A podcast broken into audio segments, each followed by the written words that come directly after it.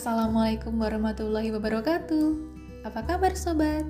Selamat berjumpa kembali dengan saya, Fibrianis Puspitanhar dari Latsar CPNS Kemenak, gelombang 2, angkatan 8, kelompok 4. Hari ini saya memulai pertemuan pertama pada agenda 4, yakni aktualisasi, di bawah bimbingan Bapak Andi Widodo.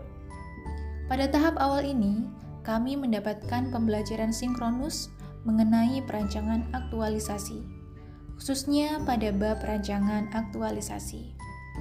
Bab perancangan aktualisasi ini merupakan inti atau nyawa dari tulisan rancangan ini, sehingga perlu untuk dicermati betul-betul dalam penyusunannya.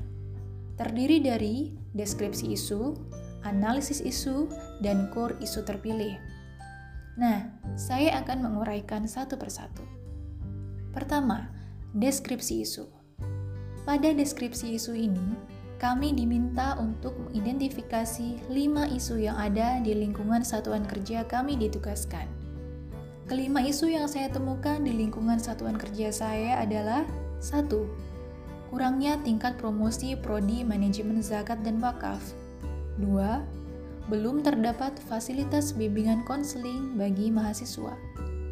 3. Belum adanya tracer study yang baik bagi alumni. 4. Belum dilakukannya digitalisasi LKB dosen.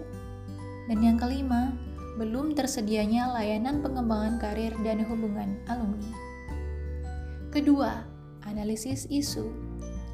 Analisis isu dilakukan menggunakan teknik AKPK atau akronim dari aktual, kehalayakan, problematika, dan kelayakan.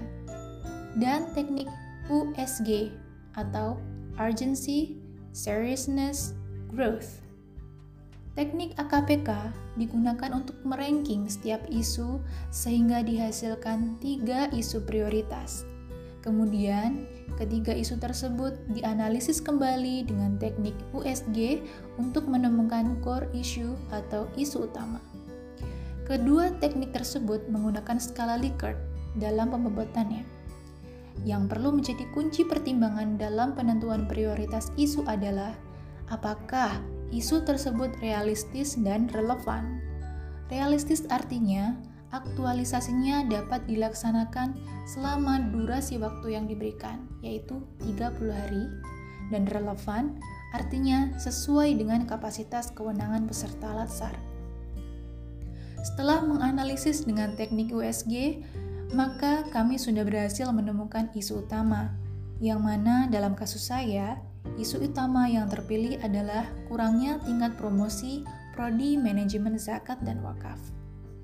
Dari isu tersebut, kami perlu untuk mengidentifikasi dan mengorganisasi faktor-faktor penyebab munculnya isu dengan mengonstruksi diagram fishbone.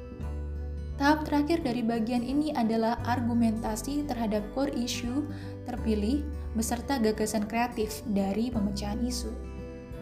Berdasarkan diagram fishbone yang telah dikonstruksi, maka gagasan pemecahan isu yang saya rancang adalah peningkatan promosi prodi manajemen zakat dan wakaf melalui image branding pada YIN Ponorogo. Adapun kegiatan aktualisasi terkait gagasan pemecahan isu tersebut adalah sebagai berikut. 1. Mengoptimalkan platform Instagram manajemen zakat dan wakaf sebagai media untuk memperbarui informasi terkini tentang kegiatan-kegiatan yang dilangsungkan oleh Prodi Mazawa baik mahasiswa, dosen, maupun acara jurusan dengan target update dua kali dalam seminggu.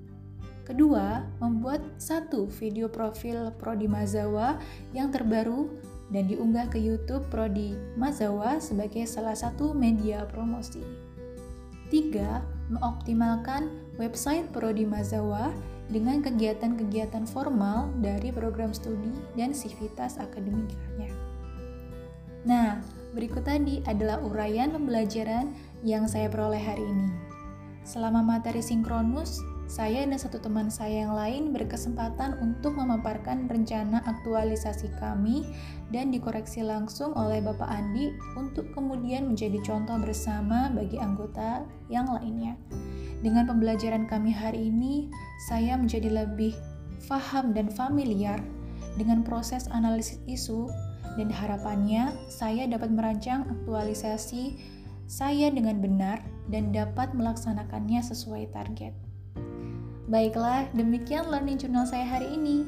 Terima kasih banyak sudah mendengarkan ya sobat. Sampai bertemu kembali di learning journal saya selanjutnya. Wassalamualaikum warahmatullahi wabarakatuh.